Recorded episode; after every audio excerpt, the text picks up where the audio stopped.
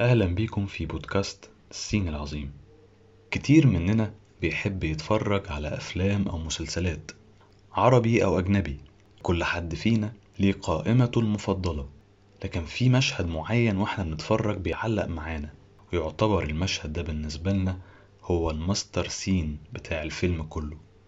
دورنا في برنامج الصين العظيم إننا نسلط الضوء على مشاهد من أفلام شفتوها وحبتوها أو حتى ما شفتوهاش قبل كده.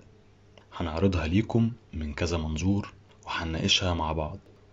أنا إسلام أسامة وهقدم بودكاست الصين العظيم معاكم في منصة عبر.